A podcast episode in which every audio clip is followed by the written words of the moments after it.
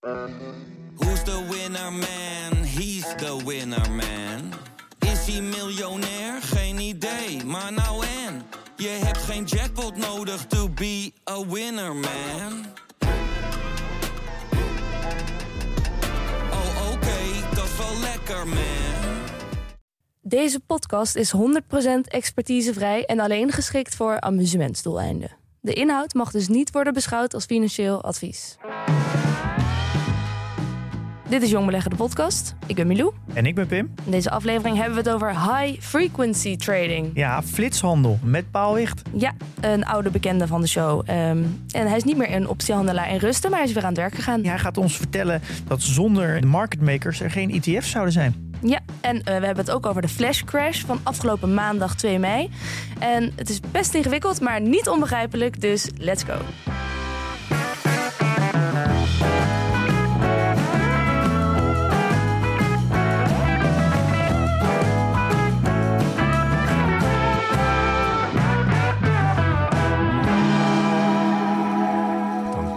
Zet Ja. die microfoon even dichtbij, Paul Wicht. Zo, Welkom terug. dank je. Je bent niet langer optiehandelaar in rusten, Nee, niet bepaald, nee. want je bent weer begonnen Ja, met werken. ja. Moet je straks ook naar werk? ik moet zeker weer naar werk, ja. Jeetje. Ja, nee, dat eh, is weer ineens heel erg druk. Dus eh, Want hoe lang eh, heb je er nu uitgelegen? en de, uitgelegen... Nou ja, eh, even gestopt. ik ben een soort server. sabbatical. ja, dat was, dat was twaalf maanden. Dus ik werkte Ja. dus eerst bij IMC. Dus dat ja, een van de grootste handelshuizen. Eh, flitshandelaren, zoals het eh, ook in de Gaan we het media zo over hebben Daar gaan we het zo over hebben. Eh, in Nederland, dus daar heb ik acht jaar gewerkt. En nu ehm, zit ik eigenlijk bij eenzelfde soort bedrijf, maar veel jonger. Dus IMC bestaat ja, iets van 30 jaar. Ja. Zij bestaan nog eh, 10 jaar dus, eh, en groeit heel hard. Dus dat is wel ja, een heel ander soort dynamiek. Dus bij IMC was ook wel, eh, nou, groeit ook nog steeds hard, maar was ook wel af. En hier moet nog gewoon nog heel veel, eh, heel veel gebeuren, heel veel, heel veel bouwen, heel veel nieuw. En dan, Meer een beetje start-up scale-up-achtig nog. ja, ja, het is een ontzettend scale-up, ja. En dat gaat ook heel hard. En eh, ja, dat, eh, dat geeft wel hele mooie uitdagingen. Dus dat is weer heel, heel leuk. Je zit aan de ene kant is het weer hetzelfde, maar het is ook weer totaal anders. Ja, En ja. Die variatie die ja, houdt natuurlijk super interessant. Dus, En ondertussen nog veel aan het sporten. ja, ja, nou, ja, redelijk, iedereen, redelijk weinig eh, met eh, hoeveel het daarvoor was. Dus dat, dat mis Ik heb ik bijna wel, het gevoel maar- dat jij werkt om het sporten heen. Ja, dat, eh, dat zegt mijn vriendin ook wel eens. Maar dat, Nou, je ziet er goed uit. Ja, we konden dat. eh, iedereen die Paul Wicht volgt op Instagram, die, eh, die krijgt daar eh, flink wat van mee. Fietsen, eh, sneeuwwandelingen. Nou ja, sneeuwwandelingen is niet eens te noemen. Het is, nou ja, goed. Gaan we het niet over hebben. Skiën en niemand weet wat dat Tourskiën, is. En dat, dat wil ik ook het, graag ja. zo houden. Dat, Dus, dat houden we zo. Blijf thuis. ja. Ehm, daar gaan we het dus niet over hebben. Waar we het wel over gaan hebben is high frequency trading. eh, wat we ook wel flitshandel noemen ja, in Nederland. Waar eh, Arjen Lubach het wel eens over heeft gehad. Komen we later misschien nog op. Als ik denk aan een flitshandelaar, dan zie ik dus gewoon zo'n beursmannetje voor me dat heel snel aan het handelen is. Maar Pim zegt gisteren tegen mij: nee, dat is een computer. ja, Dus een flitshandelaar is helemaal geen mens, dat is eigenlijk een computer. Ja, nou, dat, kijk, flitshandel wordt eigenlijk binnen de industrie helemaal niet gebruikt. Het zijn eigenlijk mensen van buiten die flitshandel als term gebruiken. Die gebruiken ook al high frequency trading. Arjen Lubach heeft er inderdaad een, eh, een, een uitzending over gemaakt in de, in de COVID-crisis, waarin hij nou, op zich wel dingen aanstipt die, die daar ook gebeuren. Maar de conclusie was van het is nergens goed voor. Het is iets wat, eh, wat, eh, wat van buiten komt en, en, en er vroeger niet was. Eh, ja, en Het voegt niks toe aan de economie. het voegt niks toe. Er wordt geld Eh, verdiend met handelen. ja, handel om het handel. eh worden veel te rijk. heel snel. Eh, ja, en, en er wordt veel te veel geld verdiend. En nou, dit, jullie hebben ook Duco van Landschot hier een keer in de uitzending gehad. Die had ook een paar maanden geleden een column geschreven... waarin hij flitshandel vergeleek met het voegt totaal geen waarde toe. En eh, hij vergeleek het met een soort zilveren champagneklopper of zo. Ja, iets waar, waar je ook eigenlijk niks dus aan hebt. Gewoon een speeltje Ja, voor de en rijken. Ja. Mijn punt is eigenlijk, zijn, zijn er eh, drie. Eh, ten eerste, ja, flitshandel, high frequency trading is eigenlijk niks nieuws. Het, bestond al, het bestaat al 300 jaar, alleen is het nu geautomatiseerd. Ten tweede, het voegt heel veel waarde toe. En je kan zelfs stellen dat de ETF, zoals ook onder jullie luisterpubliek eh, ontzettend populair is, niet had bestaan zonder dat er high frequency trading is. Hm.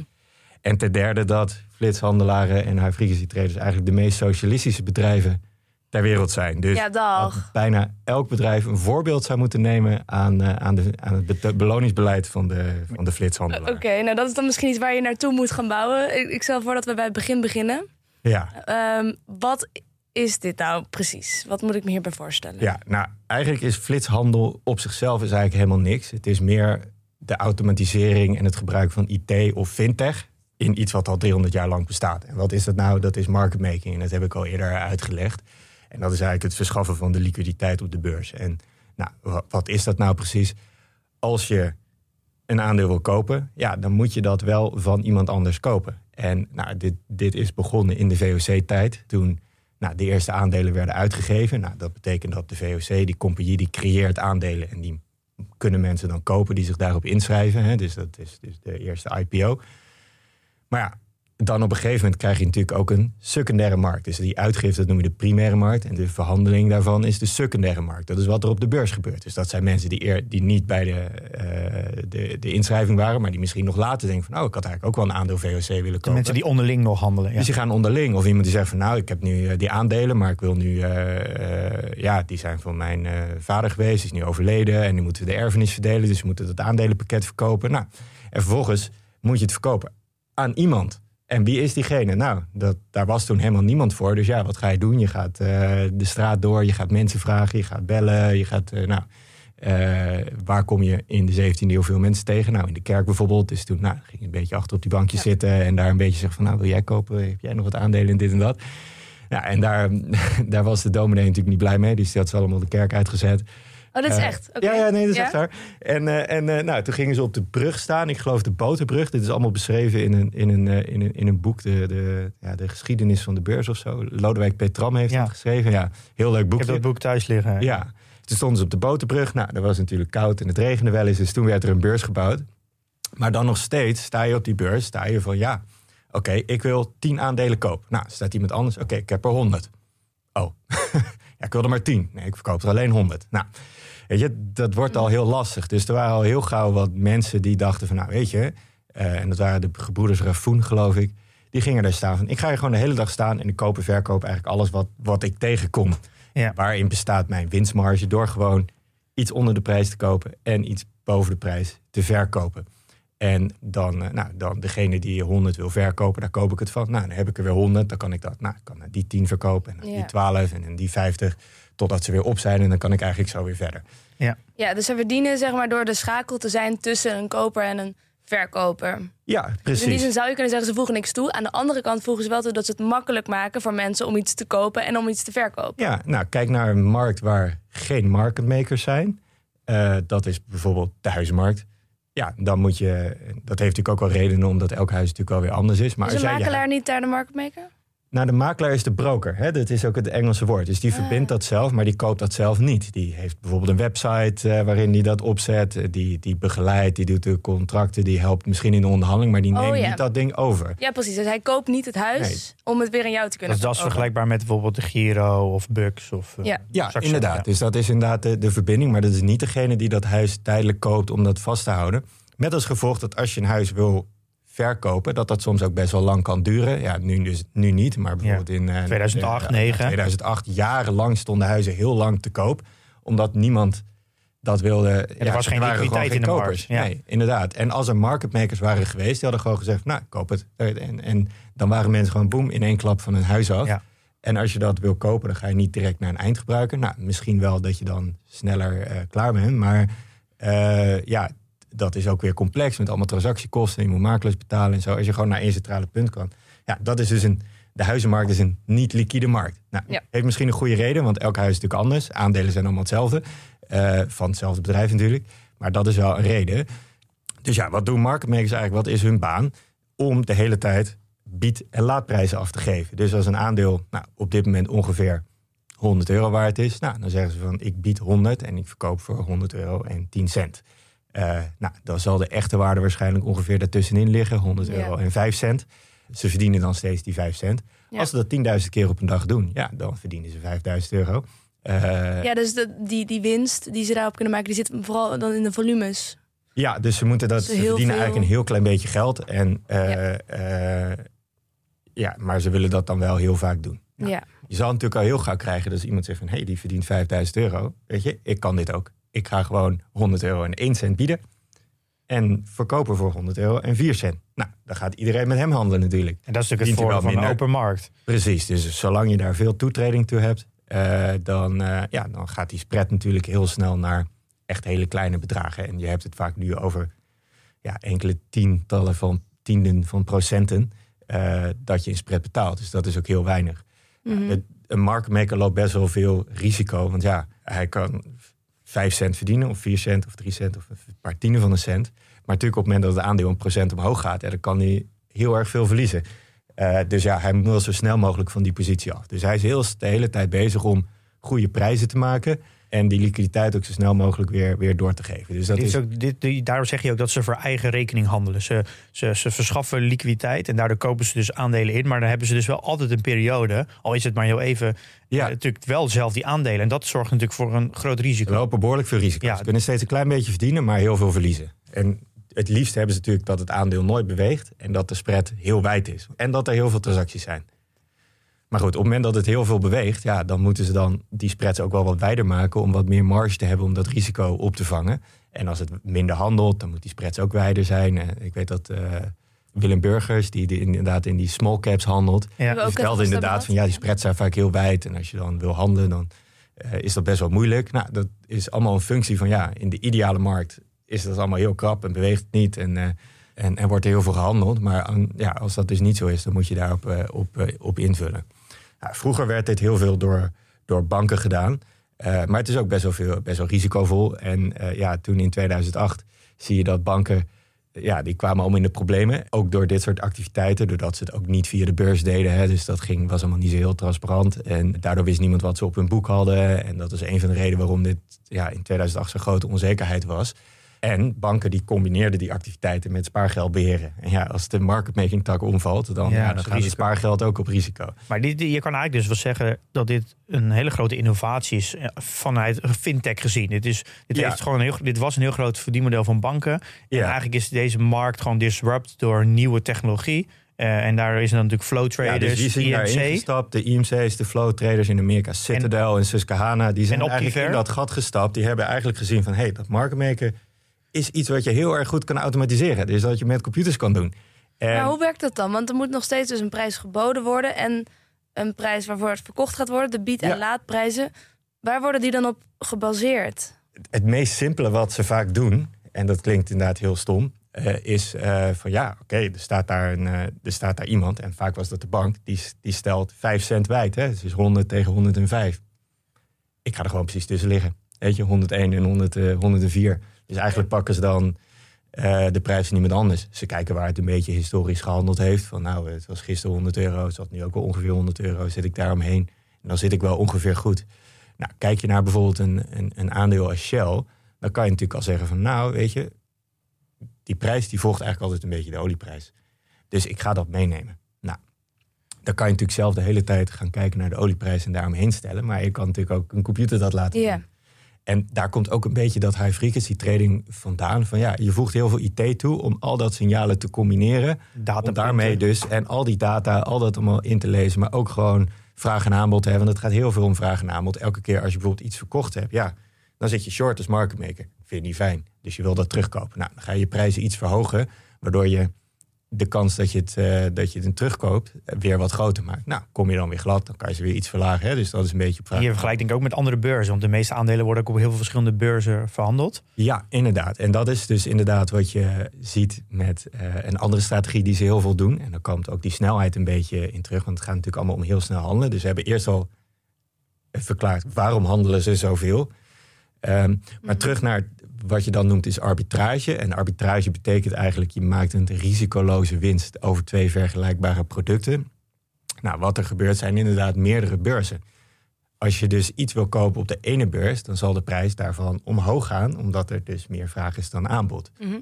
Maar op een andere beurs kan het blijven liggen. Dus dat betekent dus dat er nog wel het aanbod op de ene beurs neemt af, terwijl er op de andere beurs nog steeds aanbod is. Bijvoorbeeld van dezelfde, Van dezelfde aandeel. Nou, ja. dan zou het best wel fijn zijn als er dus iemand is die het aanbod van de ene beurs verhuist naar de andere beurs, zodat de prijs op die ene beurs niet zoveel omhoog gaat. Die het recht trekt eigenlijk. Dus, dus die trekt het recht. Door die- het die- recht trekken ja. verdwijnt dat prijsverschil weer. Ja, Dat prijsverschil dat gaat dus in de zak van de, de market maker of Ja. de arbitrageur in want die die zin. koopt het goedkoper in bij die andere beurs waar, het nog, waar de Ja. prijs nog lager is. Precies, dus, Dus die die arbitrageur die zou natuurlijk zoveel mogelijk verdienen. Dus die, die wil, als hij in zijn eentje was, dan zou hij natuurlijk die prijs heel hoog op laten lopen voordat hij het gaat terugkopen, zodat Ja. hij dat verschil maximaal kan uitbuiten. Ja. Maar ja, dan komt er natuurlijk wel een andere die gewoon zegt van, oh, maar als ik gewoon net iets eerder ben dan hij, Ja. dan, eh, maar ja, daardoor loopt dat verschil eigenlijk terug. En je Gaat het dat die prijsverschillen heel erg afnemen. Dus als we teruggaan naar Arjan Lubach met zijn tomatenmarktkoopmannen en de brommetjes die heen en weer gaan. Wat gebeurde er nou eigenlijk? Nou, dat, dat met die marktkoopmannen, dat, dat klopt wel. Dat zijn inderdaad de marketmakers. Wat doen die? Die kopen tomaten bij een boer en die verkopen dat aan klanten. Nou, waarin zit de dienst? De boer die zegt van ja, weet je, ik verkoop de tomaat alleen één keer per jaar als ik geoogst heb en dan met miljoenen tegelijk.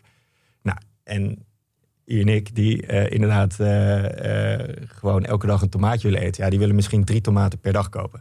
Nou, de Ja. marktkoopman die zit daartussen om in één keer die grote transactie te doen en die verkoopt ze dan voor iets meer. eh, Beetje een aan- aan supermarkt die- eigenlijk. en de supermarkt is inderdaad ook een marktmaker. Dus je kan niet zeggen van...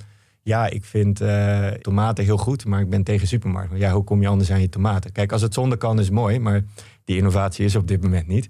Dus ze vullen daarin een hele belangrijke functie. en Ja, nou, je hebt nu toe. natuurlijk wel ook, eh, als we dat doorzetten, de trend van direct bij de boer kopen. Dat, Ja. dat vinden we allemaal beter en mooier. Ja, en dat, dat kan. Kost heel veel tijd. Maar misschien met nieuwe prijs. technologie kan dat inderdaad minder worden. Maar uiteindelijk, je wil zo weinig mogelijk aan je, market, aan je, aan je marketman betalen. Daarom is het ook belangrijk dat er concurrentie is. En je koopt natuurlijk bij de goedkoopste. En je Maar wil daarom- geen monopolie. Daarom werkt de supermarkt natuurlijk alleen als een supermarkt heel veel concurrentie heeft.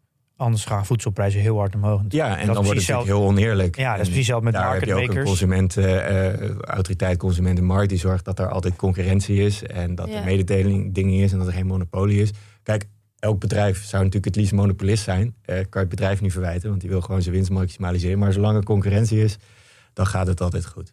Nou, en wat, wat komt er dan met die brommetjes? Ja, als je dus op het ene plein staat en de tomaten zijn op, of zijn bijna op, dan zal de prijs van die tomaten omhoog gaan. Nou, dan is het best wel fijn als er iemand is die met een brommetje naar het andere stadje gaat om daar tomaten te kopen, om die dan weer naar die andere markt te brengen waar een tekort is. En Ja. dat is eigenlijk die arbitrage. En daarin zit, Ja. vervult die brommetje, vervult wel een waarde om te zorgen dat het uiteindelijk voor de eindgebruiker goedkoper is. je kan zelf ook naar een andere beurs. Ja, Ja. maar degene die op dat ene plein staat, die wil het liefst zo kort mogelijk wachten. Want die heeft natuurlijk ook wel andere dingen te Ja. doen. Dus degene, en dat, daar, dat zie je wel op de, op de beurs, dat het een soort winner takes all is. Van degene met het snelste brommetje, die doet uiteindelijk de transacties. Want Ja. daar hoeven de mensen het minst lang op te wachten. Nou, dat is wel ook een aanrader om even toch die aflevering te kijken van Lubach. Als je een beetje wil snappen en visualiseren hoe dat Ja. precies zit. Het artikel van Duco en de van Lubach staat in de show notes. Ja. Kan je Ja. zo, eh, Maar eh, wat we nu dus zeggen is, zo'n market maker... die profiteert dan van de prijsverschillen tussen de verschillende beurzen. Ja. Maar we hadden ook gezegd dat eh, ze juist heel veel risico lopen. Maar het klinkt nu alsof ze bijna geen verlies kunnen maken... omdat ze profiteren van die prijsverschillen... en dat is alleen maar in hun voordeel. Ja, arbitrage is heel populair, dus dat, dat is inderdaad vrij weinig risico. Het kost wel geld, want je moet dus verbindingen hebben met verschillende beurzen. Eh, je moet al die lijnen aanleggen. Eh, en dat is denk ik wel een terecht kritiekpunt op die high frequency trading. Er is een soort wapenwedloop gekomen. Ik snap best dat het heel fijn is dat er geen prijsverschillen op de beurzen zijn. Ik snap ook wel dat prijsverschillen kunnen tijdelijk ontstaan en die moeten rechtgetrokken worden. En dat dat heel fijn is dat dat soort van binnen een seconde gebeurt. Mhm. Maar omdat het een winner takes all wereld is, is het van ja, degene die er het eerste is, die krijgt alles. Dus dan ga je van oké, ik kan binnen een seconde. Nou, dan komt iemand anders, ik kan binnen een half seconde. En dan gaat binnen een milliseconde. En nu gaat het inderdaad, en dat wordt ook in, die, eh, in dat filmpje van eh, Lubach gezegd, gaat het met de snelheid van het licht. Hè? Dus dan gaat het echt om nanoseconden. Alleen maar om de allersnelste te zijn. Maar op een gegeven moment, er is een eindpunt, toch? Er is toch een grens aan? Daar is inderdaad wel een eindpunt aan. En je ziet dat dat, dat hele snelle handelen, is- die boom is ook een beetje op zijn retour. Het begint meer een commodity te worden. Van als je niet zo snel bent, dan krijg je niks. Ja. En dus elke marktmaker moet doen. Alleen, dit is een soort wapenwedloop waarbij iedereen steeds meer en meer en meer doet. Om, om steeds meer sneller te zijn, omdat je anders niet meedoet. Ja. Maar het kost wel geld om zo snel te zijn. Is er nog echt een verschil tussen een halve seconde en een nanoseconde? Ik denk voor de belegger valt het eigenlijk wel mee. En je ziet dus ook dat beurzen maar aan het experimenteren te zijn van ja, Weet je, er zijn op een gegeven moment krijg je alleen marketmakers die zo groot zijn dat ze die lijnen nog kunnen betalen. Die nog meedoen. En dan wordt het voor nieuwe bedrijven om op te starten, wordt het best wel moeilijk om nog Ja. in datzelfde spelletje mee te doen. Aan de andere kant stimuleert dat ook alweer de innovatie. Om misschien eens te kijken van ja, weet je, je kan wel de snelste zijn, maar misschien eh, kan je ook een bedrijf starten met het slimste zijn. Hè, waardoor je eigenlijk weer meer waarde toevoegt. Dus het Ja. is je ziet dat er gewoon heel veel dynamiek in die dingen is. Eh, ik denk wel dat je zou kunnen zeggen, ja, die wa- wapenwetloop, weet je, binnen een seconde was allemaal nuttig, maar daarbuiten maakt het niet meer uit. En die, de kosten van die lijnen moeten op linksom of rechtsom wel doorberekend worden aan, aan de klant, wat hoe dan ook weer in die spreads komt. Maar dit Dus wordt gewoon volwassen eigenlijk, de industrie. En je hebt gewoon de limieten van de technologie eh, bereikt.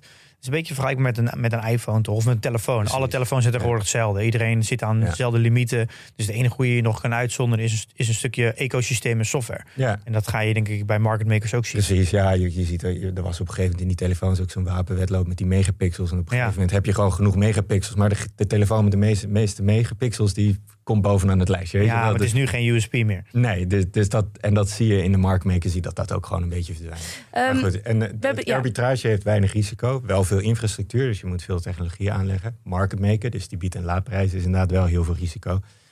Marketmakers of handelhuizen zullen altijd die activiteiten combineren. Ja. Nou, is dit nieuw? Nee. Als je dat boekje van Lodewijk Petram leest, gebeurde het toen ook allemaal. Ja. Wat is nieuw met high frequency trading? Ja, je gebruikt technologie. Net zoals je overal technologie voor gebruikt.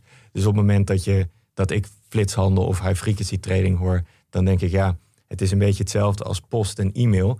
In essentie is het hetzelfde. Alleen ja, nu gaan brieven heel snel. Vinden mensen heel angstig dat Ja. een e-mail, ja, dat is gewoon instant heeft iemand de brief. Terwijl normaal duurde dat twee dagen. Dat is belachelijk. Ja, nee, dat is helemaal niet belachelijk. Dat is gewoon efficiënter. Er zijn gewoon computers bijgekomen. Er is niks veranderd. Het- Mhm. Ja, er is technologie bij. Het gaat veel sneller. Het is, als ik in de krant lees van ja, er worden nu 70% van alle aandelen worden nu door computers verhandeld. En er komt helemaal geen mens meer bij kijken. Dat is onzin. Dat is hetzelfde als zeggen dat alle brieven tegenwoordig door een computer worden geschreven. Dat is niet waar. Er zijn nog steeds mensen die analyses doen, die kijken naar bedrijven, aandeelhoudersvergaderingen bezoeken, met het bestuur praten. Die doen dan een transactie. Maar inderdaad, die hele infrastructuur, ja, dat gaat inderdaad via computers. Omdat het inderdaad om heel veel gaat, om hele kleine bedragen. En best wel goed te automatiseren is, Ja. eh, waardoor dat gebeurt. Oké, dus dit was het eerste punt dan? Ja, van high frequency trading is niks bijzonders, is niks nieuws. Het is gewoon wat altijd al gebeurde. Het voegt veel waarde toe in de markt. Ja. Digitaliseren van maar dan oude met computers en financiële technologie. Met als gevolg dat banken steeds meer hieruit zijn gegaan. En dat er een nieuw soort partij als de IMC, als de Optiver, Ja, gewoon als one trick waar ik nu werk, Ja. die rol nu overnemen. En dat dus veel goedkoper kunnen. Want de kosten van beleggen, de transactiekosten, zijn enorm gedaald. Dus het totaal aan beleggingskosten dat in de industrie wordt betaald door pensioenfondsen, door beleggers, is veel lager dan toen het nog allemaal met de hand ging. En dat hebben we een beetje te danken aan de high frequency. Je neemt ook als metafoor de, de post en de Ja. mail. Kan je ook niet bijna zeggen dat vroeger ging dus een, als ik een transactie wilde doen bij de bank, dus ik wilde geld overschrijven, Ja. moest dat ook op papier, moest ik of de bank, nou, zelf eerst met een cheque, en moest, moest ik eh, of een de bank bellen met telebankieren. En dat nu eigenlijk eh, het gewoon via een appje gaat als ik geld overmaak. Dus dan zou je eigenlijk kunnen zeggen, ja, nu gaan alle eh, banktransacties gaan digitaal. Ja, Maar dat, ja, dat is gewoon een, een stukje digitalisering. En het, ja het proces is exact hetzelfde. Het, proces is hetzelfde. Het is echt in essentie niks veranderd. Alles wat er goed gaat, alles wat er fout gaat. En er gaan natuurlijk nog Ja. steeds dingen fout. Gingen 300 jaar geleden ook al fout. Alleen langzamer en met de hand. Ja. Ja. Door het met computers te doen, is het goedkoper geworden, is het efficiënter geworden. Er zijn een paar bedrijven die heel veel verdienen, maar dat zie je natuurlijk. Elk bedrijf dat voorop loopt in een bepaalde technologie maakt enorme winstmarges. Ja. Ehm, En dan neem bijvoorbeeld Adyen. Die heeft ook een, een, een dienst van een bank eigenlijk overgenomen. ja, Net als dat dan Flowtraders ook een dienst van een bank eigenlijk Ja. heeft overgenomen. Ja, Adyen verdient ook heel veel geld. Maar dan komt ze de eerste zijn en ook de beste zijn. Precies. Samen Dus met het is bijvoorbeeld heel- Stripe. Ze- heel gebruikelijk dat ja, bedrijven die voorop lopen in een bepaalde technologie ook dan vaak hele grote winstmarges maken. Ja. Dat zal over tijd zal dat minder worden. Ja, maar die, de ze maken meer winst uit, omdat eh, ze ook een, een, een toegevoegde waarde creëren. Ja, inderdaad. En dat, eh, ja, dat hoop ik nu geïllustreerd te hebben dat dat, eh, dat, dat er zeker Nou ja, dat is misschien En als mooi... iemand, als een bedrijf komt die het nog slimmer en nog goedkoper kan doen, ja, dan zullen de huidige high frequency traders weer verdwijnen en naar de achtergrond gaan. Eh, maar die is er voorlopig, of tenminste, heb ik nog niet gezien. Die toegevoegde waarde, hoe zit dat dan bij een ETF? Want ja, daar, nou, dat, die zijn eigenlijk in dezelfde eh, tijd opgekomen. Nou, ETF is eh, Dezelfde tijd, maar we zeggen net dat het al eeuwig bestond. Of bedoel je met dat het of steeds de, de, digitalisering van market making, hè, Ja. dat, dat, of de high frequency trading. En de ETF's zijn eigenlijk in diezelfde tijd een beetje opgekomen. eind jaren negentig hebben we er Ja. Nou, wat, wat is een ETF? Dat is natuurlijk al eh, uitgebreid behandeld. Het is een automatisch beleggingsfonds. Dus je koopt aandelen in dat, dat beleggingsfonds. En de meeste ETF hebben als beleggingsstrategie volg exact de index. Nou, en er zitten eigenlijk een aantal partijen in. Dus je, koopt, je hebt vaak een issuer of een uitgever van de ETF. Dat is Van de iShares, de, de, de State Street Global Advisors eh, van ECK. Die, die zijn allemaal heel bekend. Nou, wat doet zo'n uitgever van een ETF? Die bepaalt eigenlijk van ik heb een automatisch beleggingsfonds met automatische regels. Dus waar normaal een beleggingsfonds was, nou, een Willem Burgers die allemaal analyses doet en die bepaalde wegingen en aandelen koopt en dingen daarin zet, is een ETF eigenlijk van nou, stel gewoon een aantal regels op of eigenlijk een lijstje code en dat is mijn beleggingsfonds en het volgt gewoon die regels. Nou, die uitgever die bepaalt alleen die regels. Wat de meesten doen, en dat is de meest bekende, is van ik probeer exact de index te volgen. Maar er zitten er nog een paar dingetjes aan van wil je de dividenden meenemen of wil je ze niet meenemen.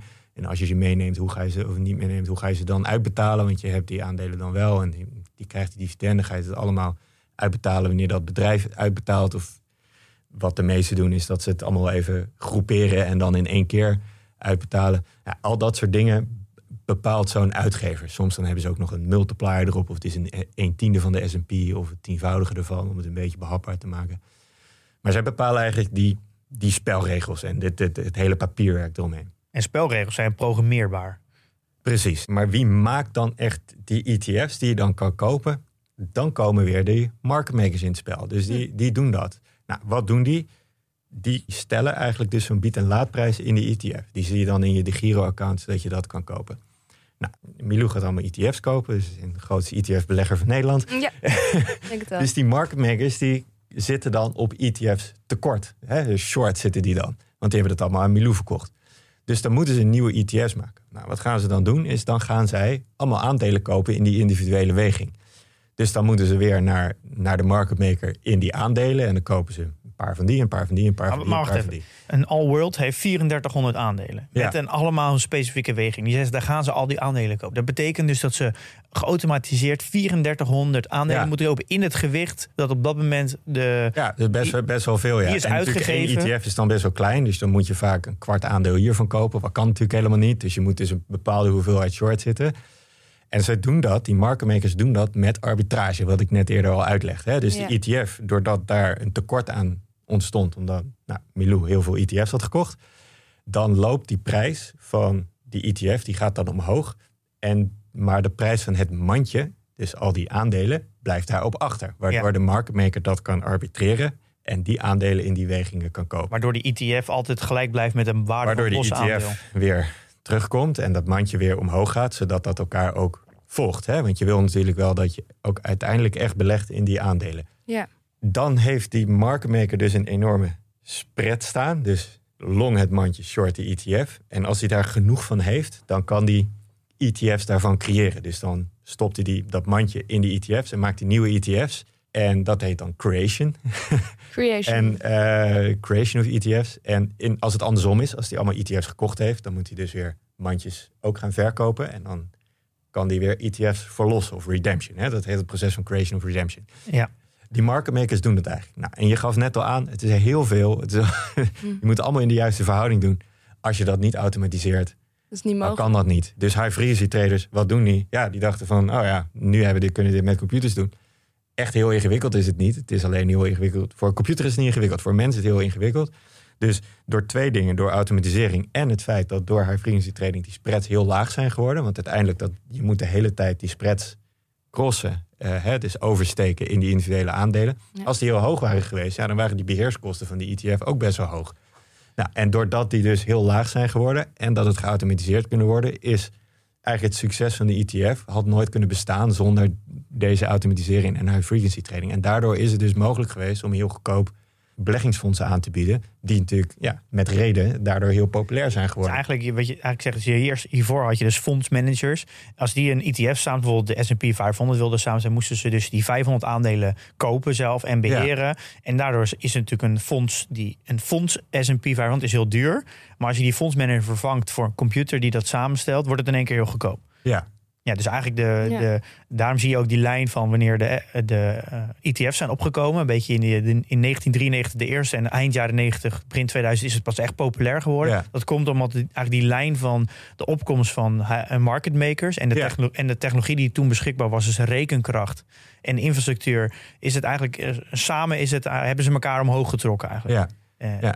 Dus zonder, zonder market makers heb je eigenlijk geen ETF. Want dan betaal je eigenlijk eh, net zoveel als een fondsmanager. Ja, en je ziet dat ook de meest winstgevende marketmakers... die zitten met name in die meer complexere dingen. Hè? Dus gewoon aandelen op zichzelf marketmaker... ja, daar is vaak niet eens zo heel veel geld in te verdienen. Maar als je kijkt naar ETF's en, en bijvoorbeeld opties... waarbij je dus heel veel verbanden hebt en, en vrij complexe prijzing... waardoor dus juist die automatisering heel belangrijk is... Dat zijn ook de meest succesvolle partijen. En daarom is het ook geen verrassing dat Flow en IMC en, en Optiver... met name in die, eh, in die producten zitten om die te marketmaken. Het is dus eigenlijk wel een. eh, eigenlijk de, de market makers, dus de, de flitshandel, heeft er eigenlijk voor gezorgd dat beleggen eigenlijk een beetje gedemocratiseerd is. Dus eigenlijk de emancipatie van een retailbelegger komt eigenlijk eh, door market makers. Want daardoor kunnen wij eigenlijk allemaal in heel goedkoop gespreid beleggen. Ja. Voor, Ja. voor hele lage bedragen. Dus al vanaf Heeft 50 zeker euro per maand. Ja, wil niet alle credits claimen, maar eh, ja, die automatisering daarvan en de discountbroker, hè, zoals dat je via een app een broker met de beurs kan doen, eh, en de uitvinding van de ETF, al die dingen samen hebben natuurlijk eh, enorm bijgedragen aan de democratisering van beleggen. Wat banken die dit nou, de honderden jaren daarvoor hebben gedomineerd, nooit hebben kunnen doen of niet in die vorm. Ja, omdat ze gewoon niet genoeg innovatie in de bank zit en niet genoeg de. Ze hebben niet de Ja. juiste mensen om dit te kunnen doen. En daardoor zijn er dus hele specifieke partijen ontstaan die dit, eh, die dit Ja. kunnen.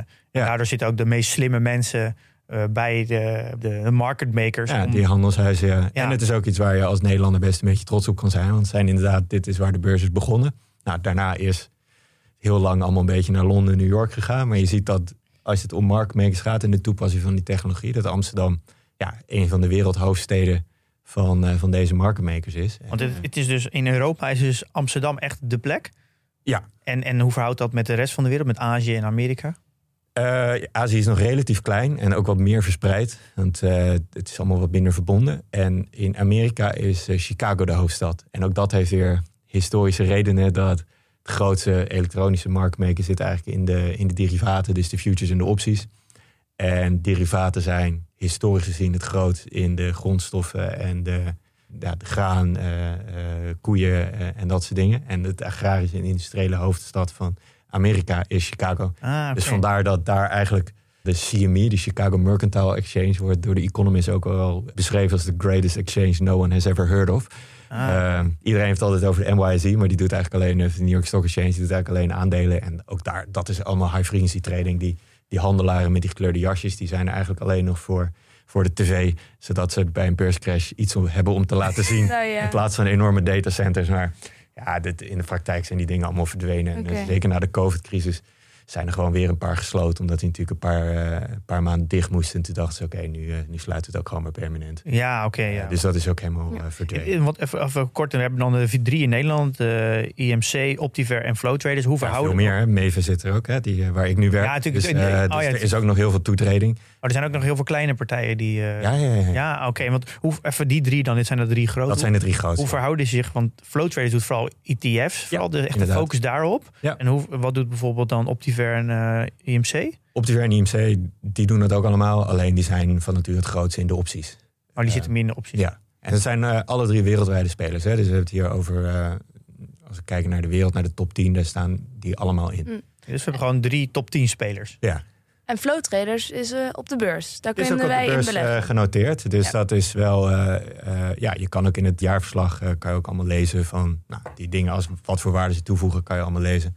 Wat ze verdienen kan je zien en, en ook hoe ze belonen. En ik denk dat we daar ook op een volgend punt komen. Want ja, Arjan Lubach die werd hierop geattendeerd, omdat ja, markenmakers geld verdienen als iedereen het verliest. Nou, Ja, en dat is midden in de coronacrisis was dit het Ja. enige bedrijf wat hij liet zien in zijn rijtje. Wat het goed deed versus alle andere bedrijven Ja, die... en toen ging ze ook nog in die tentjes slapen en dan werken er ook nog eh, slimme mensen. Ja, dat En- moet je, want ze slapen daar dus in het kantoor. Tijdens de coronacrisis sliepen ze Ja. daar in tentjes. Ja, eh, die werknemers van dus ze stonden zelfs, dat eh, of te stonden zelfs op de lijst van cruciale beroepen. Als, eh, oh, daarom mochten ze op kantoor zijn natuurlijk. Ja. Ja, ja, inderdaad. Er zijn eigenlijk twee dingen met, met dat geld, wat, wat voor heel veel eh emotie zorgt. Inderdaad, al die bonussen, dat heeft best wel slechte naam gekregen, ook sinds, sinds 2008. En dat, gewoon, dat ze heel veel geld verdienen.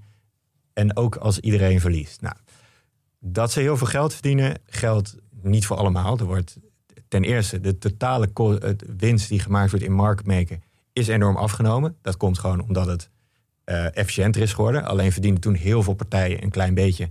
En nu een paar technologische voorlopers verdienen nu heel veel. Ook dat zal op een gegeven moment gaan eh, stabiliseren. Maar het feit dat een paar bedrijven nu heel veel verdienen, betekent niet dat beleggen duurder is geworden. Het is juist veel goedkoper geworden. Dus high frequency trading heeft enorm veel opgeleverd voor, eh, voor de kwaliteit van de markt. Winsten zijn gewoon geconcentreerd. Maar dat zie je natuurlijk Ja, met Apple in- en in Microsoft en nieuwe Google, technologie Facebook. Ja. Inderdaad. Nou, dan het tweede is dat ze geld verdienen als iedereen verliest. Nou, zoals ik in het begin al zei, een marketmaker die verdient het meest als de spreads heel wijd zijn, als er heel veel transacties worden gedaan en als het aandeel niet beweegt. Nou, je ziet dat in, na de coronacrisis ontstond er een beurscrash. Maar dan heb je eigenlijk zijn er aan twee van die drie voorwaarden voor, voor, eh, voldaan. Nou, de spreads worden veel wijder omdat het heel veel beweegt. Want wat er gebeurt er namelijk, als iedereen in paniek raakt en gaat zijn aandelen verkopen, dan gaan die prijzen gaan dalen. En de marketmaker zal dus moeten gaan kopen. Hè, daar heeft hij ook een verplichting toe bij de beurs. En dan, Want, want dat is natuurlijk wel een heel interessante. Ze hebben een verplichting om te kopen. Dus, ja. Want als er geen market maker was geweest, dan wa- waren er dus ook geen kopers. Nee, het is eh, precies. Dus dan, dan gaat, kan de prijs eigenlijk naar nul gaan. En daar komen we bij het nieuws komen we daar denk ik nog op terug. Want je Want- creëert dus een, een soort van remmend effect, een bodem, omdat Ja. er altijd kopers zijn. Ja, en die marketmakers wisten ook helemaal niet meer wat de beurs waard was. Hè? Want er was natuurlijk die onzekerheid die gewone beleggers hadden.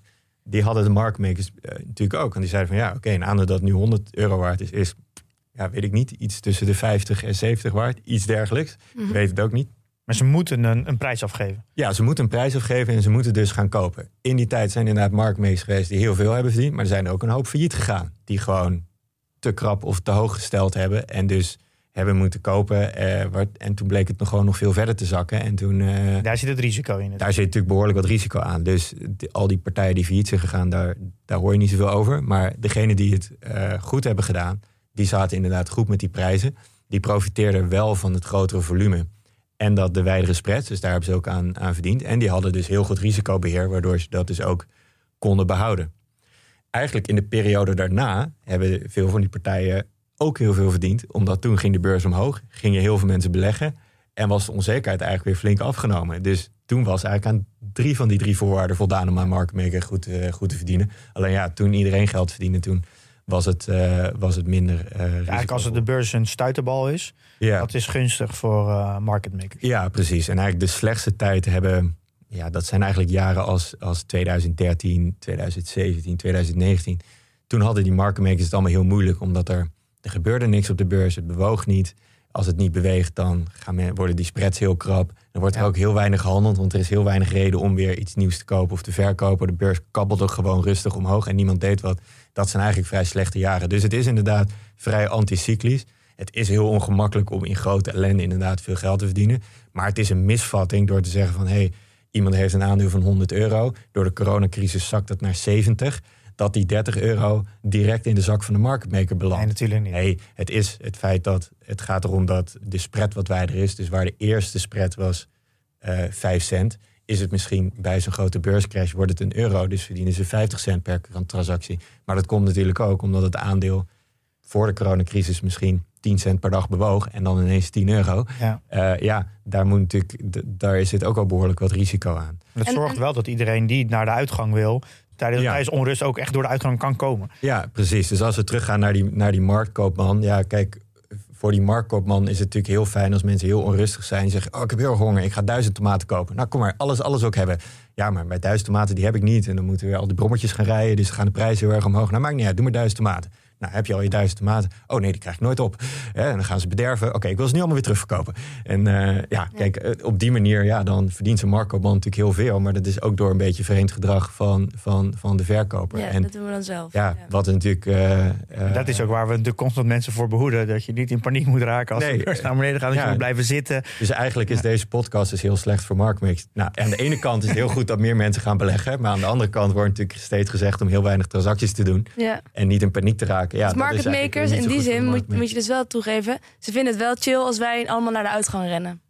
Ja, dat Daar wel, ja. ze wel verdienen wel geld als, eh, als mensen Ja. stomme dingen doen. Ja. Ja, Maar ze Maar kunnen het niet Ze stimuleren. verdienen geld door eh, de, eigenlijk de irrationaliteit van mensen. De, de, de emotionele, Ja, dat wij emotionele wezens zijn, daar hebben zij een model van gemaakt. ja. Maar ze hebben geen direct contact met klanten. Ze kunnen het ook niet echt stimuleren. Het is anders dan bijvoorbeeld... Ja, Ze een reageren broker heeft gewoon. in die zin veel meer mogelijkheden om e-mailtjes te gaan versturen van... eh, goh, moet je niet je aandelen verkopen, want die is Ja. 10% gezakt. Ja. En ze, kunnen beleggers, ze kunnen beleggers Ja, niet nudgen om, om gedrag te veranderen. Nee, ze niet. staan heel erg op afstand. En dat, ik denk dat dat ook wel verklaart waarom er zoveel misverstanden zijn over high frequency trading.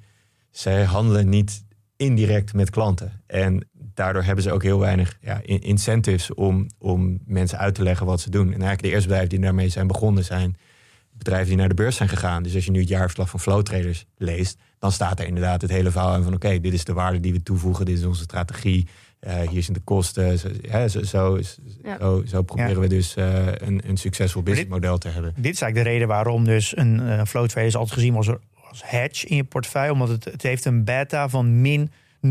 Het is gewoon min. Hè. Dit is volgens mij het, het enige bedrijf Ja, in Nederland dat, op, eh, dat een beta van min heeft. Dus Ja. dat betekent dat het letterlijk het totaal tegenovergestelde gereageerd. Ja, als het inderdaad ook, ook met meer volumes eh, te Ja, maken dat heeft. is de reden waarom in En dat ze geen fouten maken. Hè? Want ook de beleggingsomstandigheden zijn natuurlijk voor beleggers heel moeilijk.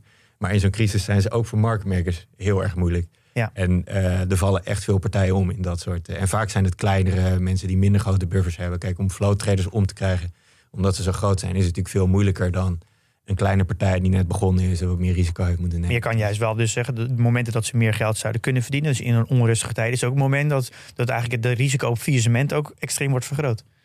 Ja, dat is wel zo, ja. Dus Ja. het is ook wel, het is, het is niet makkelijker of zo. Dus het is geen gratis geld dat ze Ja. verdienen. Dat, ja, dan komen we eigenlijk op het tweede deel. En dat is eigenlijk interessant, is bonussen. En bonussen zijn fout. En eh, in de politiek wordt Het, het altijd... tweede eh, deel van de kritiek op, op deze traders, Ja, traders. in- in de inderdaad. En Ja. in 2008 is er ook heel veel terechte kritiek geweest. Hè, dat, eh, dat voor individuele bankiers was het heel gunstig om gewoon heel veel risico te nemen. En als het fout ging, waren de kosten voor ja, de gemeenschap. En als het goed ging, kregen zij een dikke bonus. Maar dat is toch niet, niet helemaal zo hier? dit, voor deze marktmakers geldt het eigenlijk niet, want ze handelen allemaal voor eigen rekening en ze hebben geen spaargeld. Dus als een marktmaker omvalt, dan zijn allemaal relatief klein. Dus het zijn geen systeempartijen, ze hebben geen spaargeld. Ja, dan is het vooral heel vervelend voor de mensen die er werken en Ja. de eigenaren van het bedrijf en de aandeelhouders.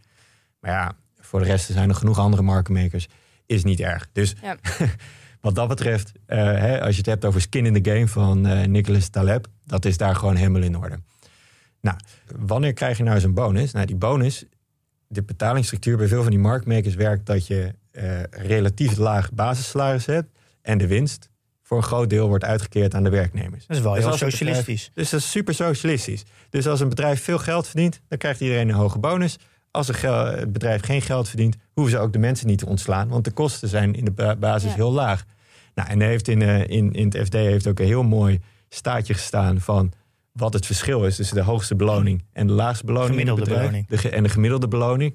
Nou, van de meeste beursgenoteerde bedrijven waar nooit over, nou daar wordt ook al over geklaagd, maar niet zoveel als over high frequency trading, is het verschil vaak ver boven de 100. Hè? Dus als je bij Unilever hebt, dan heb je het geloof ik over, eh, ja, wat, wat was het getal ook weer? Dus, Ik, ik heb een lijstje hier voor me. Ahold, de, tussen de gemiddelde medewerker en de CEO is een verschil 152 keer. 152 Ja, keer. het gemiddelde salaris. Hè? Dus Ja. niet eens het laagste Nee, niet de salaris. magazijnmedewerker, Ja. maar het gemiddelde. En bijvoorbeeld bij Walter Kluwer is het 145. Nou, bij Heineken 123. Ja, dus En, gaat en bij boven even de dan 100. ter referentie? Nou, wat denk je? Nou ja, minder dan denk ik, maar hoeveel weet Maar hoeveel minder? Wat, wat zou je denken? Eh, maar dat wordt echt een wilde gok. Ehm, eh, 50 keer minder. Dus laten we zeggen rond de 100, iets onder de 100. Nou, Sold, zouden we dan zeggen. top. het zit onder de 10. oh, echt? Ja. Dus huh, maar waar, hoe komen mensen er dan bij dat het zo exorbitante hoge bonussen zijn? Ja, dus ik zou alle politici die willen die oproepen tot een bonusverbod, eh, ik zou zeggen, geef een bonusverplichting. Elk bedrijf zou Ja. gewoon de winst moeten uitkeren aan de werknemer. Ja, dat is een soort van worden. Uh, uh, neem een voorbeeld aan, aan, de, aan de beloningsverschillen bij, bij high frequency trading. Want dit zijn eigenlijk de meest voorbeeldige bedrijven die we uh, op dit moment in Nederland hebben. En waarom zou dat zo zijn, denk je? Waarom doen zij dit wel en grote bedrijven niet? Waarom? Ja. Ja, ik denk dat het, uh, dat het een beetje te maken heeft met onderhandelingsmacht. Want ik denk dat er bijvoorbeeld ook. Uh, het is heel specialistisch en inderdaad best wel moeilijk werk. Dus het, het is vrij lastig om uh, talent te krijgen. Ja. Je merkt ook dat nieuwe bedrijven worden altijd gestart door mensen die bij een van die andere bedrijven ooit gewerkt hebben. Want de winstmarges liggen nu best wel hoog. Dus je zou bijna kunnen zeggen van uh, ja, dat bijna elke ondernemer zo uh, onmiddellijk zou willen stoppen met wat ze nu aan het doen zijn en, uh, en een market maker willen starten. Maar dat is natuurlijk best lastig omdat het moeilijk is om dat talent te krijgen. De founders dus van Flow Traders, die, die komen volgens mij van, die komen van Optiver. Ja. Optiver af. Ja. Ja. En dat geldt eigenlijk voor uh, de founders van het bedrijf waar ik nu werk. Die komen ook allemaal van Optiver. En ja, ik kom zelf van IMC. En Ja. ja, je, natuurlijk, dat, dat geeft eigenlijk een best beperkte groep van mensen die daar kunnen werken. Maar, maar dat- als, computers het allemaal doen, wat maakt dat? Ja, wat doe jij dan eigenlijk precies nog? Nou, omdat de computer die vandaag goed is, die is morgen weer verouderd en eh, doet weer de verkeerde dingen. En die wat dus heel goed is, want dat betekent dat er heel veel concurrentie is. En die moeten gewoon constant innoveren. En de computers, die doen alleen wat ik bedacht heb. Dan, Dus jij bent eigenlijk gewoon formules aan het. eh, ja, dat is inderdaad een heel groot deel van het werk, ja. Dus, Ja. dat, eh Dus niet dus eens constant aan het kijken van... hé, hey, wat doet de computer, wat doet de markt? En, Ja. eh, en, en, en, dan, eh, en dan gebeurt er iets wat je niet verwacht had. Eh, bijvoorbeeld, kijk, de rente gaat nu heel erg omhoog. Nou, er zijn heel veel mensen die in deze industrie werken... die, die zijn tien jaar geleden begonnen. Ja, die hebben rente altijd een beetje beschouwd als... maar, weet je, het bestaat, maar je hoeft er niet veel rekening mee te houden. Maar ja, nu wordt die rente een stuk hoger... en het heeft veel meer invloed op, op de waardering van futures en opties... en nou, dat, eh, en, en, en alle derivaten die waarop zitten. Ja, er zijn allemaal mensen weer druk aan het puzzelen van, eh, van hoe je daarmee aan de slag moet.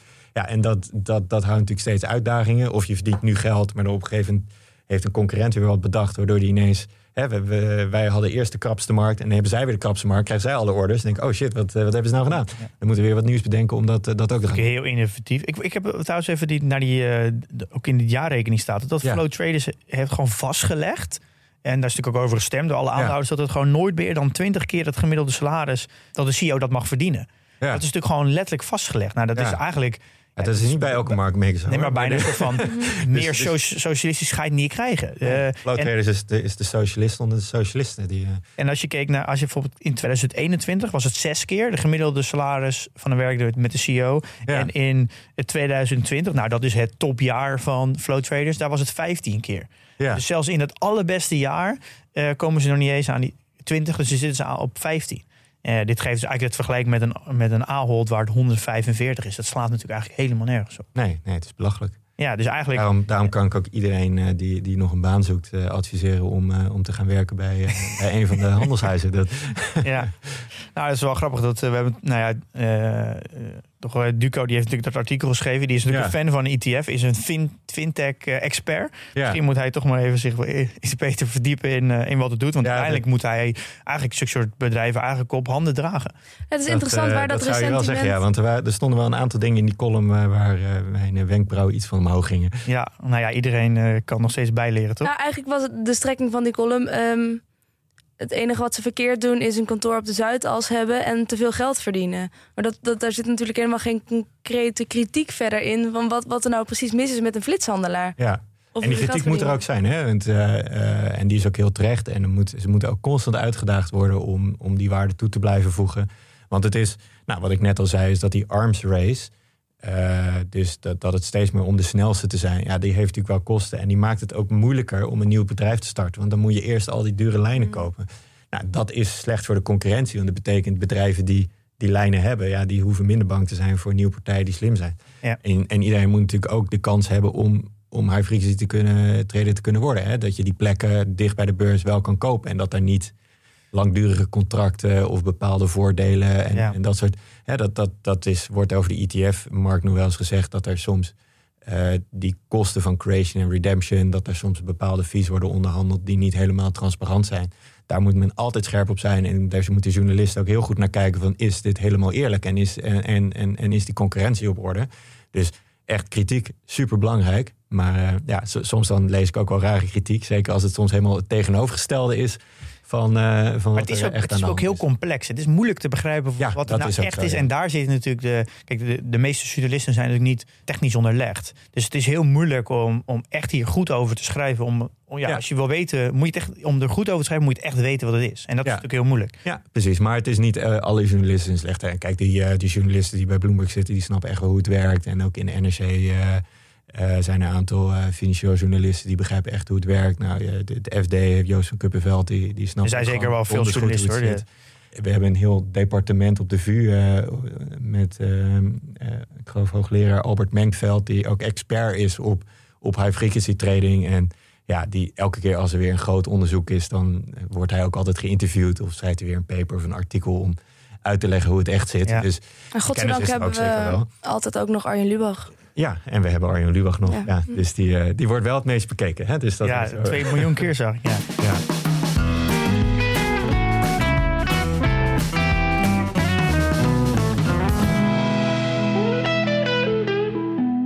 Paul, ik ben wel benieuwd. Wat deed jij uh, afgelopen maandagochtend 2 mei om 9 uur 57?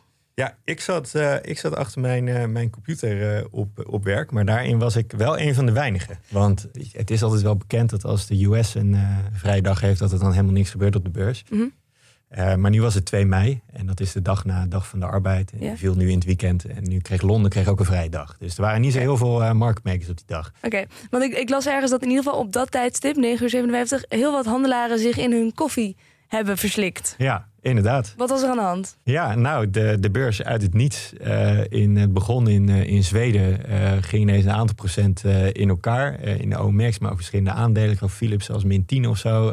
de Eurostox. En een paar minuten later stond hij weer, stond hij weer omhoog. Het is een flash crash. Dus ja, dat is een flash crash. Ja. Dit is eerder gebeurd in 2000, 2010 was het, geloof ik. Um, die in, in 2010 was een flash crash. En dat werd ook als iets nieuws gezien. Uh, wat nooit eerder was gebeurd. En uh, high frequency trading werd daar vaak als de oorzaak van gezien. En ik denk dat het ook wel voor een gedeelte klopt. Maar nu was het eigenlijk iets veel bazalers. En dat is wat je ook wel noemt een fat finger trade. Dus uh, iemand die heeft met dikke vingers op een toetsenbord zitten rammen. En dit, in dit geval ging het op een handelaar van Citigroup. En, uh, oh, dat is echt een schuldige ook aan te wijzen. ja, een nulletje te veel. Die, die verder niks wil zeggen. En die heeft een nulletje te veel. Dus in plaats van, uh, ja, misschien wel, uh, wel heel veel. En omdat het een vrije dag was, waren er best wel weinig marketmakers actief. En op het moment dat er weinig marketmakers zijn, ja, dan zijn de koersuitslagen vaak wat groter. Want er is minder tegenwicht en minder buffer. Ja, en op het moment dat er dan een enorme order komt, dan denken al die marktmakers: oké, wat gebeurt er hier? Is er een kernoorlog uitgebroken? Dus ja, dan zie je dat de koers inderdaad tijdelijk heel snel even dalen. Uh, Maar dat triggert dan gewoon andere systemen die dan gewoon uh, uh, allemaal op de verkoopknop. Want het is een. Ja, om met nou ja, dan gaan die brommetjes gaan inderdaad rijden. Want er komt iemand, komt een marketmaker heel erg long OMX te zitten. Hè, want daar begon het, die Zweedse index. Doordat er iemand heel erg groot. Dus die denkt van: oh shit, nu zit ik heel erg long dat. Dan heb ik heel veel blootstelling aan het risico van die beweging. Dus die stuurt zijn brommetje erop uit om overal anders stukken OMX te halen. Ofwel gecorreleerde aandelen, zoals bijvoorbeeld of indexen, zoals bijvoorbeeld Eurostox futures of AX futures dus je gaat die ook verkopen, waardoor die ook gaan dalen. En daardoor, doordat die beweegt, gaan andere dingen ook weer bewegen. Totdat ze erachter komen van, volgens mij is er geen nieuws. Ja. En dan moeten de prijzen zich weer herstellen. Okay, dus over welk tijdsbestek hebben we het hier ongeveer? Het ging volgens mij om een paar minuten stond het ja, alweer. Drie uh, minuten volgens mij. Minuten, Ja. Maar dat was bizar, want het is ja, ik, ik had, toen, had toen net gekeken in, in mijn broker. En ik zag gewoon, het ging echt hard naar beneden in één keer. Gewoon duizend euro's ging eraf. En ja. Algen ging 10 procent. Ja, maar dat eh, is natuurlijk ook omdat marktmaken is zoveel risico... dat je natuurlijk heel weinig verdient. Maar inderdaad zoveel kan verliezen dat zodra er zoiets gebeurt... Ja, je gaat niet meteen alles maar opkopen zonder dat je weet wat er aan de hand is. Hè? Want als er inderdaad echt een kernoorlog was uitgebroken... ja, dan moeten die prijzen inderdaad wel omlaag. En dan is het een beetje vervelend als je nog op die oude, prijzen hebt zitten kopen. Maar, maar wat, wat, wat, voor gevolg heeft dit nu? Want voor mij is het natuurlijk, maakt het niet uit, want de aandelen zijn weer hersteld. Ik heb niet gehandeld. Precies. Kijk, uiteindelijk als belegger uh, is, dit, is dit ruis. Kijk, voor de beurs is het, is het best wel lelijk dat dit zo, zo uit de hand loopt. Uh, voor Citigroup is het vrij lelijk. Ik denk dat... Wat bedoel je met lelijk? Dat vanuit het niets in één keer zulke koersuitslagen is, dat, dat ziet er natuurlijk lelijk uit. Je wil als, Ja. als beurs wil je natuurlijk stabiel zijn, transparant en, en dan wil je geen chaos. En dit is natuurlijk chaos. Ja. De Citigroep is natuurlijk super lelijk. Imago-schade. Ja, het grote verschil met 2010, die flash crash, was to- toen was high frequency trading nog veel nieuwer.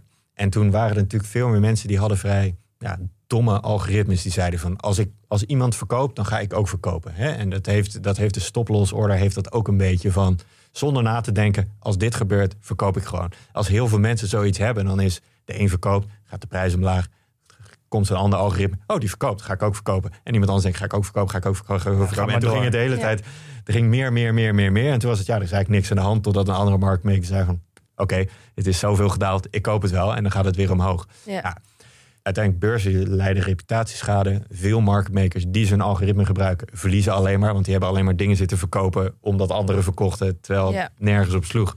Ja, die verliezen daar ook mee. Alleen, alleen de enige die uiteindelijk zijn hoofd koel heeft gehouden en heeft gezegd van dit slaat nergens op, zet maar weer omhoog. Die heeft geld verdiend, dus die heeft dus daarom ook het meeste waarde toegevoegd aan de stabiliteit. Ja, algoritmes zijn veel slimmer geworden. Ze Ja. zijn niet meer zo dom. Ja, de stop-loss-order eh, is nog steeds zo dom. Zou ik daarom ook nooit gebruiken. Maar het is eigenlijk voor Ja. de, de, de, de retailbelegger die bijvoorbeeld werkt met turbo's of sprinters. Ja, die gaan En- er en- allemaal uit. Zou ik die daarom ook niet gebruiken. En die een stop los hebben. Ja. Want Adyen ging in 9,9% naar beneden. Ja, hetzelfde geld, je had een stop los gezet van 8% onder de huidige koers. Ja. Dan werd je gewoon uitgestopt. Ja, ja, en dan werd je aandeel verkocht. En dan ga- ging die binnen één minuut Ja. weer omhoog. Dan is er niks aan de hand geweest eigenlijk. En dan Ja, zit je zonder je... Dus even een les gelijk. Nooit werken met stop-loss orders. Nee, En nee. ook Ja. turbo's en sprinters misschien ook Ja, maar dat, gewoon. Dat, dat was al bekend, ja. Maar eh, ja, nu wordt dat weer even duidelijk. Ja, je zou zeggen, we hebben nu alles met computers en het is allemaal super veilig en dat werkt allemaal goed. Maar je hoeft nog steeds gewoon maar één idioot te hebben. Toch weer een dat, dat is ook fout. wat je in die, in die, in die high frequency trading... en zeker nu er zoveel ontwikkeling is. Er is heel veel concurrentie, het moet allemaal snel. En ja, er dus er gebeuren af en toe foutjes. En soms gaat er ook wat mis.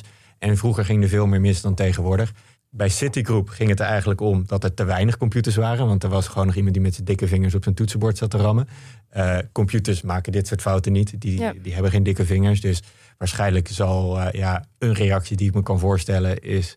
eh, dat, eh dat Citigroup gaat zeggen van... nou, waarom doen we dit eigenlijk nog met de hand? En eh, waarom, eh, waarom, hebben we nog- automatiseren? Waarom gaan we dit niet automatiseren? Want juist algoritmes houden hun hoofd veel koeler. eh, eh, hebben minder emotie, maken minder fouten... en Minder, geen. maken geen, ja, maken geen fouten en wordt niet moe en, en, Ja. en, en, da- en dat soort Dat dingen. Dus dat dus heeft een enorm voordeel. Dus uiteindelijk zou je kunnen zeggen van er is meer high frequency trading of meer flitselhandel nodig om dit soort dingen te voorkomen. Algoritmes zijn slimmer geworden. Ja, en ik denk dat sommige beurzen die hebben inderdaad na die flash crash al circuit breakers ingesteld om dit soort gewoon domme algoritmen waarbij het ene schaap achter het andere schaap eh, de klif afrent.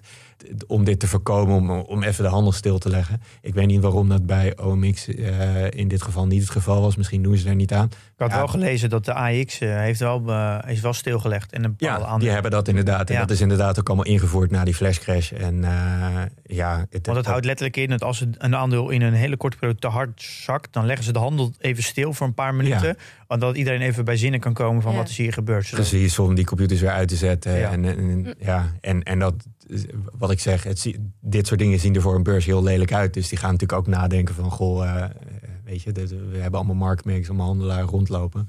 Wij moeten iets van spelregels verzinnen om, om te zorgen dat de markt altijd Ja. ordelijk verloopt. Zo krijgt de foutenmakers menselijk toch een hele nieuwe lading, vind je ook niet? Ja, zo, ik denk dat iemand zijn baan nu kwijt is. Ja.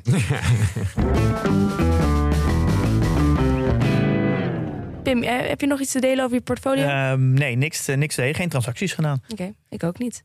Volgens mij zijn we er doorheen, hè jongens? Wil je nog wat toevoegen? Ja, nou, ik, eh, ik hoop dat ik iedereen eh, heb duidelijk gemaakt eh, hoe interessant high frequency trading is. Dat het eigenlijk niks bijzonders is, maar gewoon iets wat al 300 jaar lang gebeurt, maar dan met computers. Ja, en dat het een hele fascinerende wereld is eh, om, om in te werken. Dus eh, kan dat iedereen aanraden met een heel socialistisch beloningbeleid. Ehm, Oké, nou, Paul Wicht. Leuk dat je er weer eens was. ja, vond het ook weer leuk. We hebben bijzonder veel geleerd. Ik snap nu eindelijk hoe een ETF dus werkt. Want ja, we gebruiken het allemaal, maar hoe, hoe dat precies zit erachter. Ja, ik weet niet of ik het nu zou kunnen uitleggen aan iemand anders, maar Nou, we weten één, één klein gedeelte van de, hoe een ETF werkt, weten we nu. ja. Nog Oh, steeds niet alles, dus we gaan er zeker nog een keer nog dieper op in. Oh, het is Ja. nog veel gecompliceerder. Oké, nou, dat, eh, dat biedt weer perspectief. Pim, wij eh, hebben plannen straks. Want volgende week hebben we een aflevering over aandeelhoudersvergaderingen. Ja, Dus wat gaan wij doen? ja, om natuurlijk een aflevering te maken over een aandeelhoudersvergadering, hoe dat nou gaat, moeten we er wel eentje bezoeken. Mhm. Dus we gaan zo eh, naar de aandeelhoudersvergadering van Justy Takeaway. Die vindt Ja. plaats op woensdag 4 mei. Ja, dus eh, volgende week eh, gaan we daar verslag van doen. Niet zo specifiek van Just Eat, maar over het algemeen. Hoe werkt nou een aandeelhoudersvergadering? Wat voor kan je- mensen lo- lopen daar rond? Ja, wat kan je verwachten? Hebben ze lekkere cake? Hebben ze goede koffie? Hebben ze champagne? Ja, eh, en hoe werkt zo'n stemmingronde? Dus we gaan wat meer vertellen over hoe dat allemaal werkt. Ik, ik ben heel benieuwd. Ja, wij gaan lekker op pad. En eh, in de tussentijd, jongens, investeer in je kennis en beleg met beleid.